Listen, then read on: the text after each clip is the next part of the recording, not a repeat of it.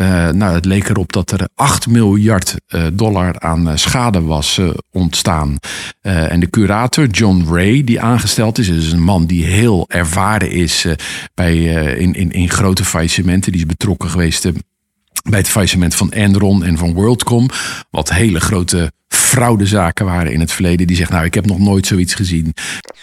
Dat was één groot bedrijf, de Mississippi-maatschappij, de Staatsbank, eh, de Oost-Indische Compagnie. Men verliest het vertrouwen in dat bedrijf en dus ook in de bankbiljetten die dat bedrijf uitgeeft. Dat bleek toen Pinkels ineens verdwenen was, want die had met zijn gezin de boot naar New York genomen. Je luistert naar de praatkast met gesprekken die er echt toe doen.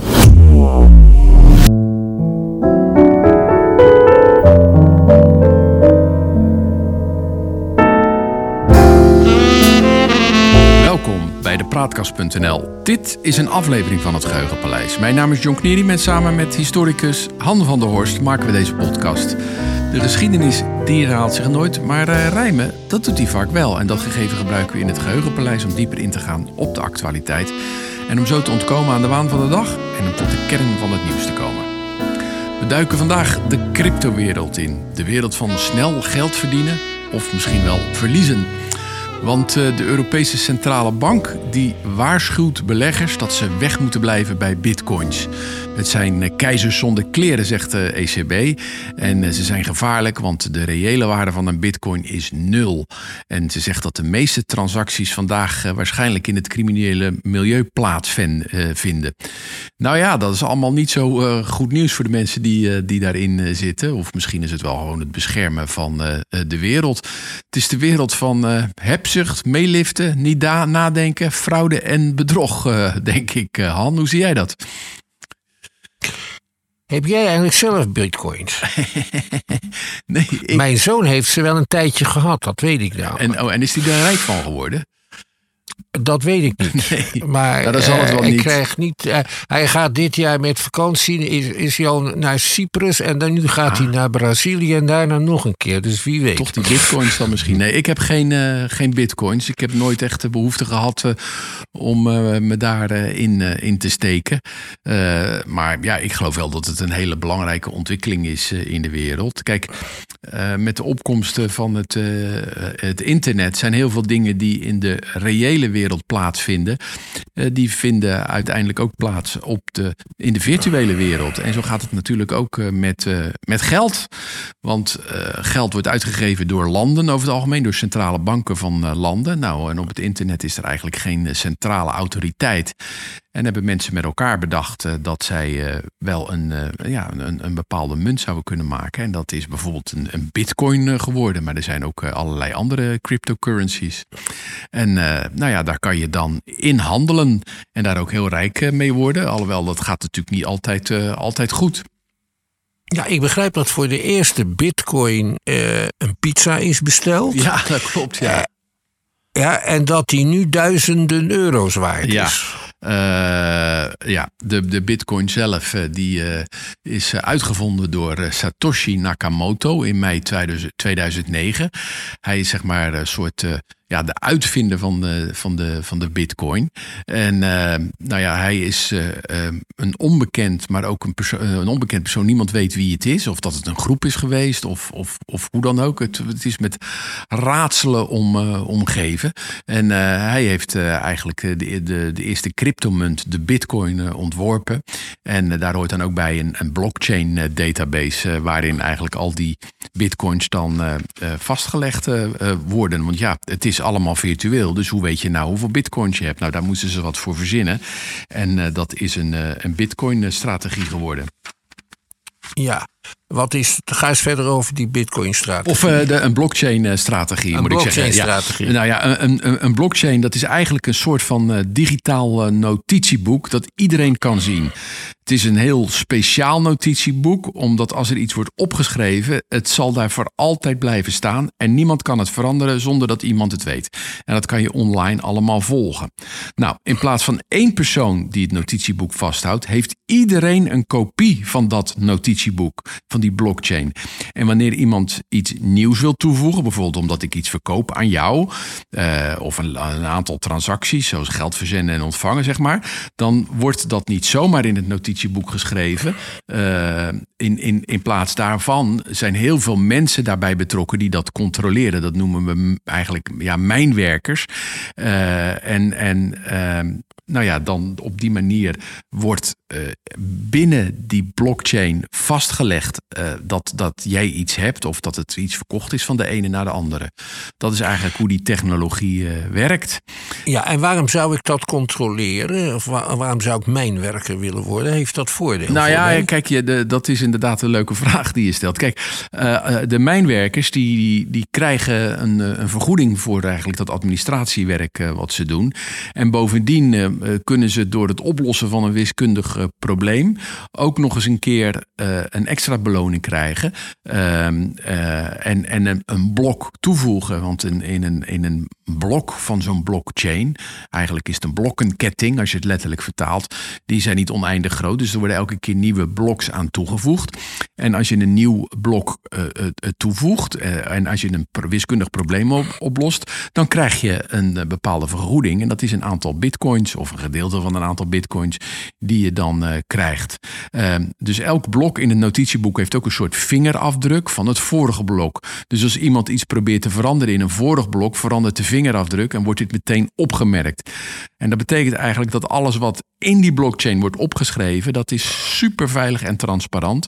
En als je probeert vals te spelen, dan kunnen anderen dat zien. Het is eigenlijk een digitale manier om ervoor te zorgen dat niemand vals speelt en alle transacties eerlijk worden bijgehouden. En als je daar een controlerende rol in hebt en als jij ook blokken bouwt, dan krijg jij als reward, als beloning, een stukje van, uh, een stukje van de bitcoins. Of een, en, en ja, dat is eigenlijk hoe het allemaal werkt. Dan moet je dat voorstellen dat als je zo'n bitcoin zou willen minen dat je daar heel veel rekenkracht voor nodig hebt. Dus dat zijn hele grote, zware computers die ook nog eens een keer heel erg veel stroom uh, kosten. Dus het, het kost ook veel geld om uiteindelijk uh, uh, aan die bitcoins te komen. Oké, maar um, als ik jouw computer heb versleuteld met mijn malware, ja. dan, dan laat ik mij in bitcoin betalen. Maar dat kan dan toch iedereen zien op die blockchain? Zeker, maar de vraag is of je de. Uh, uh, wat je ziet is dat, dat er naar een bepaald nummer iets over is gemaakt. Maar wie er achter dat nummer zit, dat is weer niet bekend. Oké, okay, dus dat is. Daardoor is uh, de, de blok. Of de. Sorry.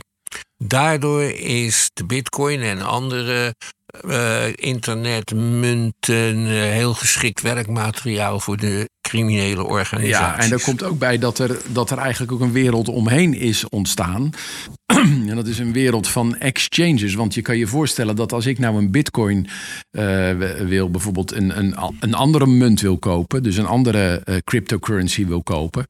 Uh, er zijn er verschillende dan of, of, dan, of ik wil dollars omwisselen naar bitcoins of wat dan ook.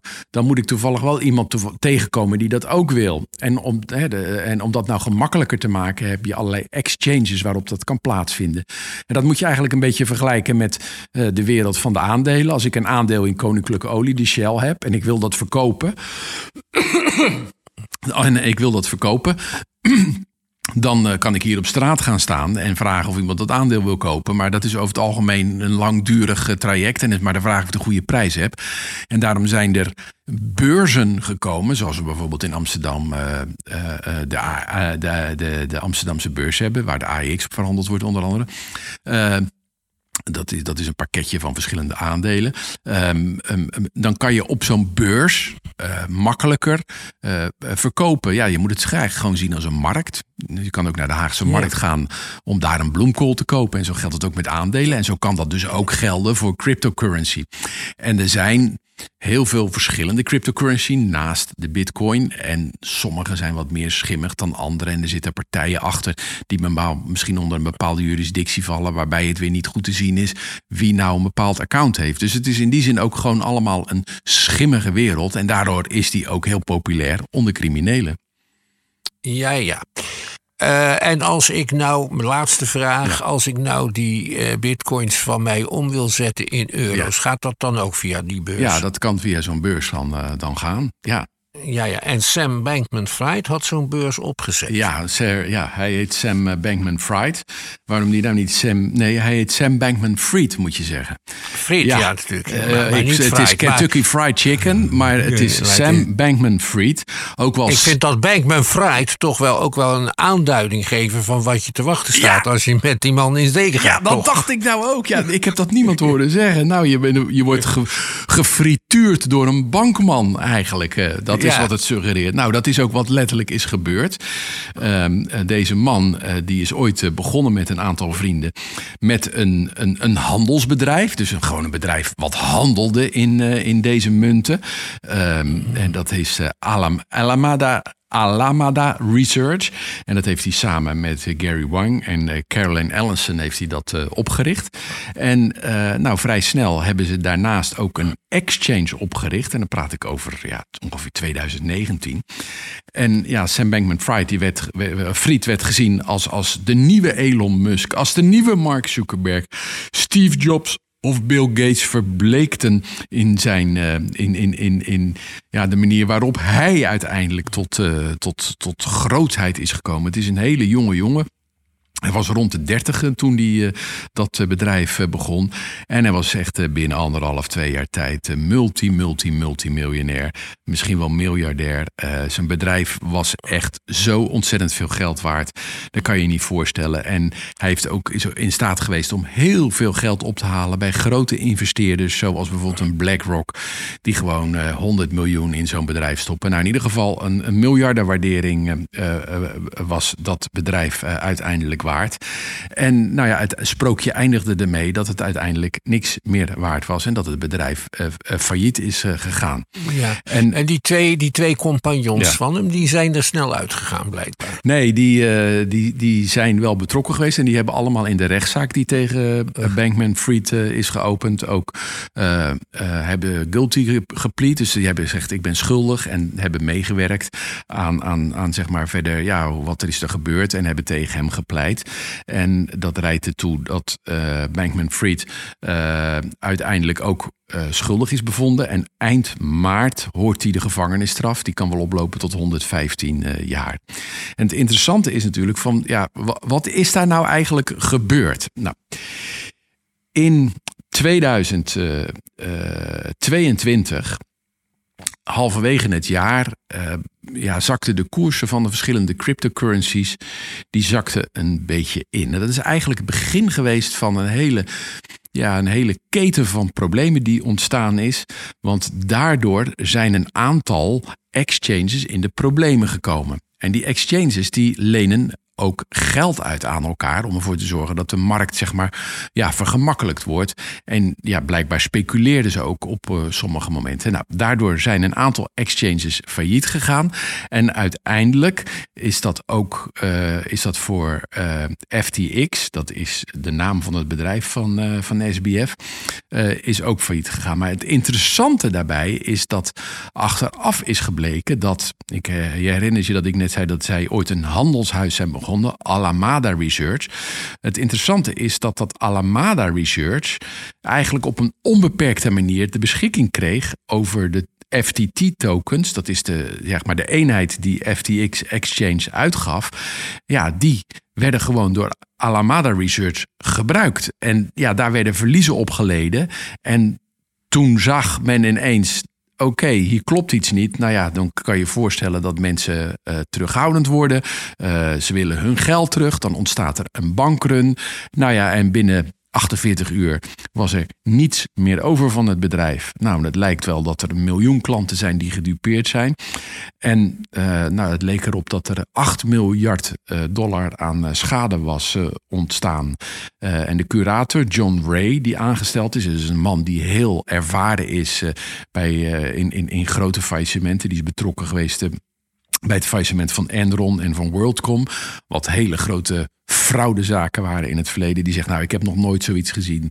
Er werd geen fatsoenlijke boekhouding bij eh, gehouden. Er was geen, eigenlijk geen goede bedrijfsstructuur. Er waren allerlei controles, checks en balances die, die ontbraken. Er waren eigenlijk geen scheidingen tussen die exchange en dat handelsbedrijf, wat eigenlijk wel zou moeten zijn. Het was gewoon een klerenzooi, een amateuristische bende. En dan moet je je voorstellen dat die, die Bankman Fried, die was in staat om met dat bedrijf om de grootte der aarde aan hem te binden. Hij zat op een gegeven moment op een podium samen met Bill Clinton en Tony Blair.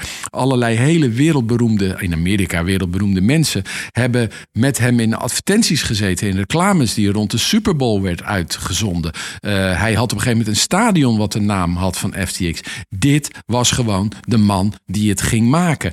En nou ja, de, uiteindelijk heeft hij iedereen uh, belazerd, bedonderd en was er 8 miljard uh, schade opgedaan.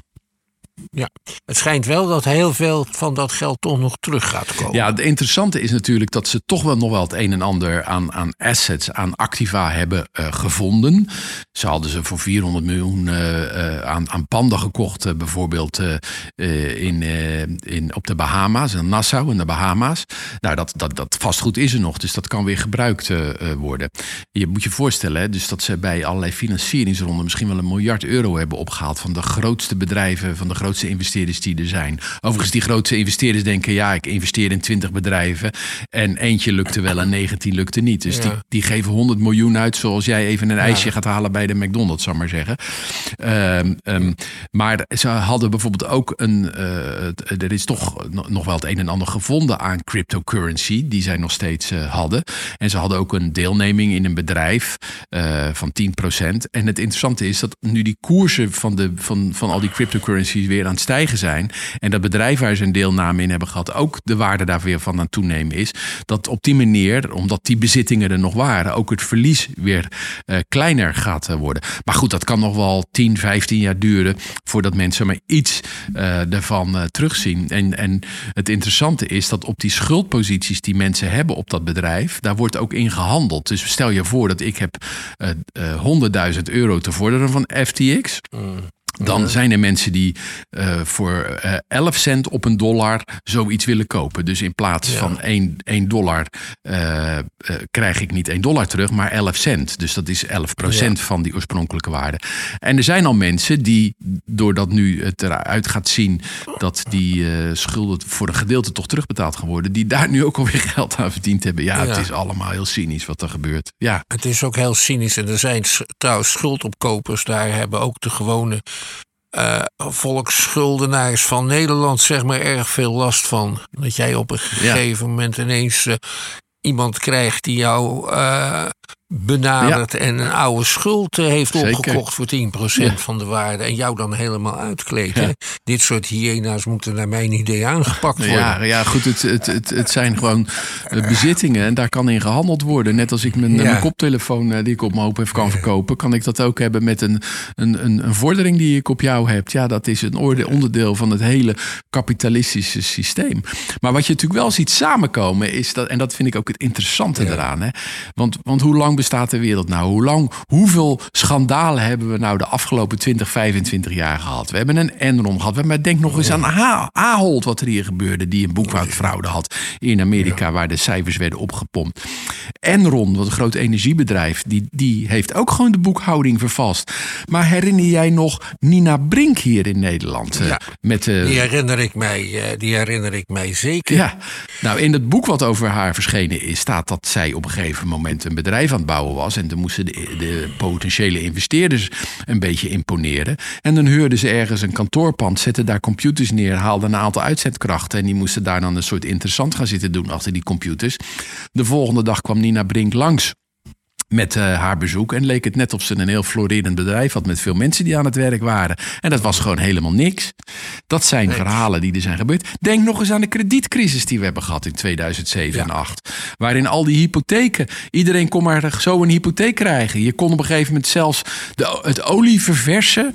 Uh, kon je als uh, schuld kon je dat aangaan als je dat voor je auto deed. Nou, en al die leningen werden versneden. Dus iedereen kreeg een stukje van die leningen. En die werden verkocht. Ja, moet ik doorgaan? Het gaat zomaar door. Maar nog onlangs, een paar jaar geleden, is er een, een mevrouw geweest, Elisabeth Holmes, ook begin 30.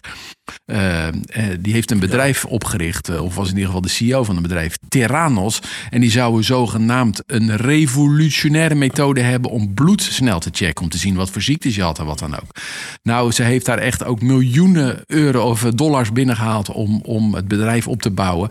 En aan het eind bleek dat ze alles verzonnen had. Dat gewoon die hele technologie niet bestond. Er was niks meer van overgebleven. Nou ja, en dat, dat, dit, ja, ik denk dat dit ook zo oud is als de mensheid. Herinner je Benny Madoff nog? Ja, natuurlijk herinner ik me. En wat denk je van meneer Ponzi, waar het Engelse woord Ponzi-scheme vandaan komt? Dat was iemand rond 1920 die een bedrijf oprichtte aandelen verkocht en dan met de opbrengst van die aandelen eh, eh, deelde hij dan grote dividenden uit. Dat heeft Madoff ook gedaan. En dat is heel lang goed gegaan. Op een gegeven moment wordt dat ontdekt.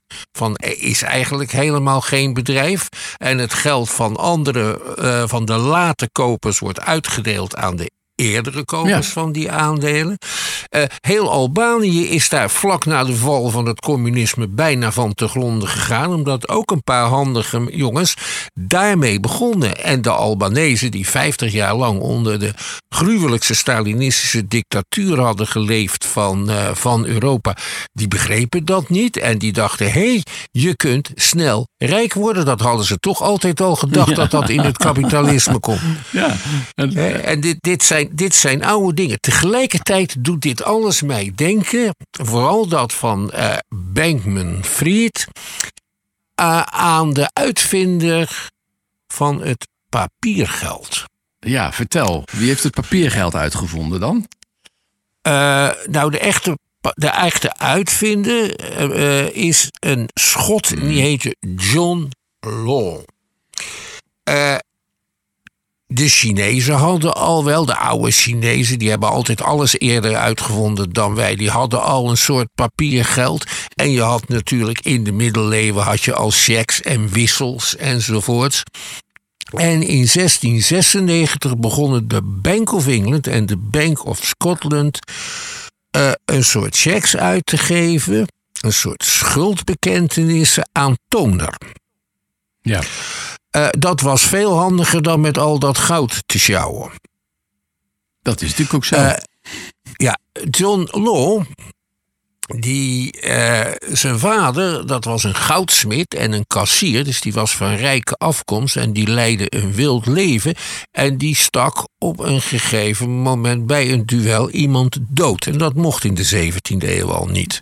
Toen is hij naar Amsterdam gevlucht toen de bankhoofdstad van de wereld. En daar heeft hij het bankvak geleerd. En hij is daar ook boeken over gaan schrijven. Dikke boeken waarin hij uitlegde: munten zijn eigenlijk niet geschikt als ruilmiddel. Uh, want die wisselen in waarde op basis uh, van de dagwaarde van het metaal waar ze van gemaakt worden. Nee, je kan veel beter papiergeld hebben die uitgegeven worden door een betrouwbare instantie en die die betrouwbare instantie ook altijd zal inwisselen. Ja. Een soort schuldbekentenis. Goed. Nou, dat, ging hij, dat idee ging hij toen in heel Europa verkopen en aan de straatstenen niet kwijt te raken, behalve in Frankrijk. Want in Frankrijk was net de Spaanse successieoorlog afgelopen in 1713, Vrede van Utrecht.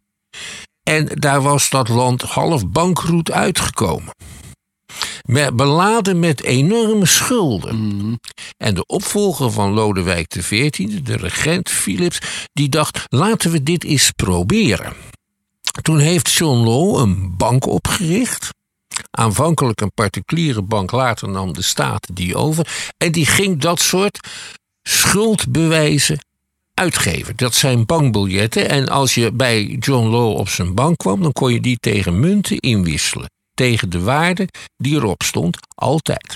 Nou, tot zover niks aan de hand, zou je zeggen. Ja. En toen zei John Law: wij kunnen de schuld, de nationale schuld van het land oplossen door in zaken te gaan. En hij richtte een maatschappij op en die heette de Mississippi eh, maatschappij. Dus het zou zeg maar, als je dat parallel met, eh, eh, met Bankman Fried trekt, dat zou die Alamada-maatschappij dan kunnen zijn. Dat gebeurde allemaal trouwens heel openlijk enzovoort. We gaan nu een maatschappij oprichten en dan gaan we de mis, het gebied rond de rivier, de Mississippi, ontwikkelen. En daar plantages stichten. Daar is New Orleans ook uit voortgekomen. We gaan aan slavenhandel doen. En we gaan bovendien, na een tijdje, we gaan fuseren met de Oost-Indische Compagnie. Oh. Want de Fransen hadden ook een Oost-Indische Compagnie. En die hadden toen ook heel veel goede contacten, handelscontacten in India. Dus dit kan niet verkeerd gaan. Daarop krijg je een stormloop op de aandelen van het bedrijf. En die stijgen tot ongekende hoogte. Alleen die winsten van de Mississippi-maatschappij die lagen toch nog wel in de verre toekomst. En in 1720 is men daar achtergekomen, is dat gevoel ontstaan. En dat heeft tot een enorme financiële crisis geleid.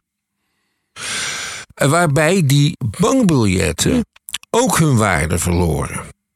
Hoe, hoe, hoe, was die combinatie dan? Waarom ging dat dan samen? Omdat die zo, dat was één groot bedrijf, de Mississippi-maatschappij, de staatsbank, eh, de Oost-Indische Compagnie. Men verliest het vertrouwen in dat bedrijf en dus ook in de bankbiljetten die dat bedrijf uitgeeft. En daar kon Girondon niks aan doen. Die heeft niks verkeerds gedaan, hè? Die is ook het slachtoffer geworden, deels van intriges, omdat de hoge adel van Frankrijk zag zich in zijn positie uh, bedreigd. Toen, is, moest hij vluchten en hij is in armoede gestorven in Venetië in 1729. En voorlopig hadden ze in Frankrijk hun. Nee, 1729. Ja. Ja, hadden ze hun bekomst van bankbiljetten tot de Franse Revolutie. Ja. Want toen was Frankrijk weer failliet. en toen losten ze dat als volgt op. Uh, we maken van de kerk een staatsinstelling. Dus alle geestelijken gaan we een salaris geven. En de bezittingen van de kerk, die nationaliseren we. Vooral de, de grote uh, landerijen van de kloosters. Ja. En de kloosters zelf, dat werd allemaal genationaliseerd. Maar daarmee heb je de financiële crisis nog niet opgelost. Dus toen zijn ze op basis daarvan bankbiljetten uit gaan geven. Die noemen ze assignaten. En daar stond ook op, hè, dus de, de brenger van deze die betaalt aan, de toon, aan toner wordt dat en dat bedrag uitbetaald. Dat heeft ook heel lang op het Nederlands ja, papiergeld gestaan. Ja. En, uh, nou, en dan zijn ze dat. Daarna raakte Frankrijk in oorlog. Dus ze zijn vrijelijk dat gaan drukken. Ja. En dat was op een gegeven moment niks meer waard. Ja, dan krijg je natuurlijk enorme inflatie. En in Nederland in 1795 begon de Franse tijd. Dat herinneren we ons van de, uh, van de, van de geschiedenisles van de die kwamen binnen en die begonnen hun rekeningen te betalen met die assignaten die niks waard waren. Ja, ja. En daarop heeft de nieuwe regering van Nederland, de Fransgezinde regering van de Bataafse Republiek van de Patriotten, zegt wij wisselen ze in. Tegen de waarde die erop staat in Nederlands geld. Maar ja, dat hadden ze al vrij snel nog niet. En toen heeft Nederland ook papiergeld uitgegeven. Dat noemen ze recipissen. En dan kon je dus je Franse Aziaten inwisselen voor Nederlandse reservissen. En die zijn altijd veel meer waard gebleven dan het Franse geld. Zoveel vertrouwen bestond er nog in uh, de geldkracht en de welvaart van Nederland. En dat klopt ook, want toen uh, Amerika uh, Louisiana wou kopen van Napoleon, toen moesten ze daar het geld, en dat was natuurlijk een groot bedrag, moesten ze het geld lenen bij de bank Hopen. Later Mason open. Ja. Hey, maar daarvoor hebben we toch ook nog een keer de tulpenmania gehad. Dat is toch een soort de, de oorsprong. Eh, in ieder geval in de overlevering is dat een van de eerste ja, luchtbellen die gecreëerd werd. Ja, maar dat is echt een luchtbel over een product wat je verkoopt. Ja. En, en, en wat krankzinnige waarde krijgt en dan ineens instort. Omdat er geen koper meer is en dan verliest men het vertrouwen erin. Ja. ja, en dan is het ineens afgelopen. Ja. Maar daar zijn mensen, daar zijn miljoenen mee verdiend en ook weer verloren. En het punt is dus, is iemand die op een gegeven moment veel geld heeft verdiend met tulpen, die gaat door met, met kopen. En het heeft allemaal te maken, dit soort eh, dingen, met snel rijk worden Ja. zonder dat je er moeite voor hoeft te doen. Hè? Het hele internet is op het moment ook vervuld van influencers die jou uitleggen hoe je dat moet doen. Ja. En daar hoort dan meestal iets bij waar zij geld aan Ja, precies. Ja. Zij krijgen betaald Mijn advies. Ja. Mijn advies. Ja. Er komen mensen naar je toe of je zit te praten met eh, een financieel adviseur of iemand die ook verzekeringen verkoopt en die zegt tegen je: je bent een dief van je eigen portemonnee als je dit niet doet. Maar bedoelt te zeggen, Meteen- ik ben een dief van jouw portemonnee. Dat is eigenlijk Ja, wat hij bedoelt te zeggen. Ja, Meteen het huis ja uittrappen. precies. Of hij zegt: je mag nu meedoen met de grote jongens. Man of Day natuurlijk. meteen, Ja. meteen het huis uittrappen. Eh, en eh, snel geld, mensen die jou snel rijk kunnen maken, daarom moet je je vra- zich afvragen, moet je je altijd afvragen waarom ze zichzelf niet rijk maken. Ja. Weet je dat die Madoff, die, die, eh, Ja. die, die boekte keer op keer boekte die eh, winsten. eh, in ieder geval op papier. Eh, Maar daar bleek helemaal uiteindelijk niks van te kloppen. Maar er is iemand die drie keer, dat is meneer eh, Harry Markopoulos, heeft in 2000, 2001 en 2005 er tegen gewaarschuwd. Hij zegt, ja, wat die Madoff verhandelt, als ik dat in zijn boeken zie, die gefraudeerd waren, dat wordt niet eens verhandeld op de beurs. En dan zo'n zo'n eh, exchange, Commission, zo, die toezicht moet houden, die negeren dat soort eh, verhalen gewoon. Net zoals als, als bij die Bankman Fried allerlei houten metoten, allerlei rode lichten hebben, Ja. hebben genegeerd. Net zoals bij, bij eh, wat jij nu vertelt over eh, de, het uitzinnen van het geld. Meneer, hoe heet het niet, meneer John Law. John Law. Dat daar dingen ook uit de hand lopen. Of met die tulpen. Dat je op een gegeven moment, ja, waarom Ja. is een tulpenbol meer waard dan een grachtenpand aan de gracht in Amsterdam? Dat zijn toch dingen dat als je daar van afstand naar kijkt, dat je dan moet zeggen: ja, Ja. dat is eigenlijk logisch dat dat niet klopt. Ja, ja. Aan de andere kant, neem Lodewijk Pinkoffs. Ja. Daar staat een standbeeld van in Rotterdam. Ik ga je zo vertellen waarom. Eh, die man had in zo rond 1870 wou die de Rotterdamse haven tot ontwikkeling brengen. Daar richtte hij een bedrijf voor op. Ja. Bovendien was hij al de directeur, eigenaar of directeur van de Afrikaanse handelsverenigingen. Die deden zaken op West-Afrika. En daar ging het niet zo goed mee met dat bedrijf. En wat de Spinkels deed, was de boeken vervalsen. Ja. En ook weer steeds aandelen uitgeven. En met die aandelen, eh, de opbrengst van die aandelen, dividenden uitkeren. En dat is op een gegeven moment is dat gebleken. Dat bleek toen Pinkels ineens verdwenen was, want die had met zijn gezin de boot naar New York genomen. Die vluchten. Die, Ja. En daar zijn heel veel Rotterdammers hebben daar zware schade van geleden. Ja. En dit was ook een luchtbel opgeblazen. Het was ook oplichterij. Maar er lagen wel de eerste moderne havens van Rotterdam. En die zijn toen door de gemeente overgenomen. Dat is het Rotterdamse havenbedrijf geworden. je zei nou dat er een standbeeld van hem is in Rotterdam. Ja, om, van, daar, van, om die reden. Maar niet vanwege zijn fraude natuurlijk. Niet vanwege zijn fraude. Een van de medeverantwoordelijken, want die zat in de raad van commissarissen, had er ook geld in gestoken. Dat was de bankier Mees. Ja. En Mees en zijn ja, standgenoten, die allemaal het schip in waren gegaan, die hebben er wel voor gezorgd dat de kleine, want waren had ook juist heel veel kleine investeerders, kruideniertjes en zo, eh, van hun geld verlost, die pinkels, dat die hun geld terugkregen. En daar is Meis bijna aan te gronden gegaan persoonlijk. En als het, gemoeten, als het gemoeten, als het had gemoeten, dan was hij ook failliet gegaan. En dit soort mentaliteit komen wij bij bankiers tegenwoordig volgens mij niet meer zo tegen. Dat kan je wel zeggen. Maar goed, eh, uiteindelijk eh, weten we één ding zeker. Dat er eh, ergens de komende jaren wel weer een nieuwe grote fraude ergens zal ontstaan. Want dit is van alle tijden. En op het moment dat dit interessant klinkt en mensen denken we kunnen snel geld verdienen, lopen we er allemaal achteraan. Ja, en dan gaan we allemaal het schip in. Die belaten, deze afleveringen van het Geheugenpaleis. We maken dit in samenwerking eh, met eh, de Praatkast. En die uitvindingen zijn dan ook te vinden op www.praatkast.nl. Abonneren op onze podcast kan in de podcast-app die je gebruikt. Krijg je automatisch een bericht wanneer een nieuwe aflevering online komt. En mailen mag naar info.praatkast.nl. Voor nu, bedankt voor het luisteren. En eh, tot de volgende keer. Eh, Wees gelukkig, blijf gezond en houd ook je financiën gezond.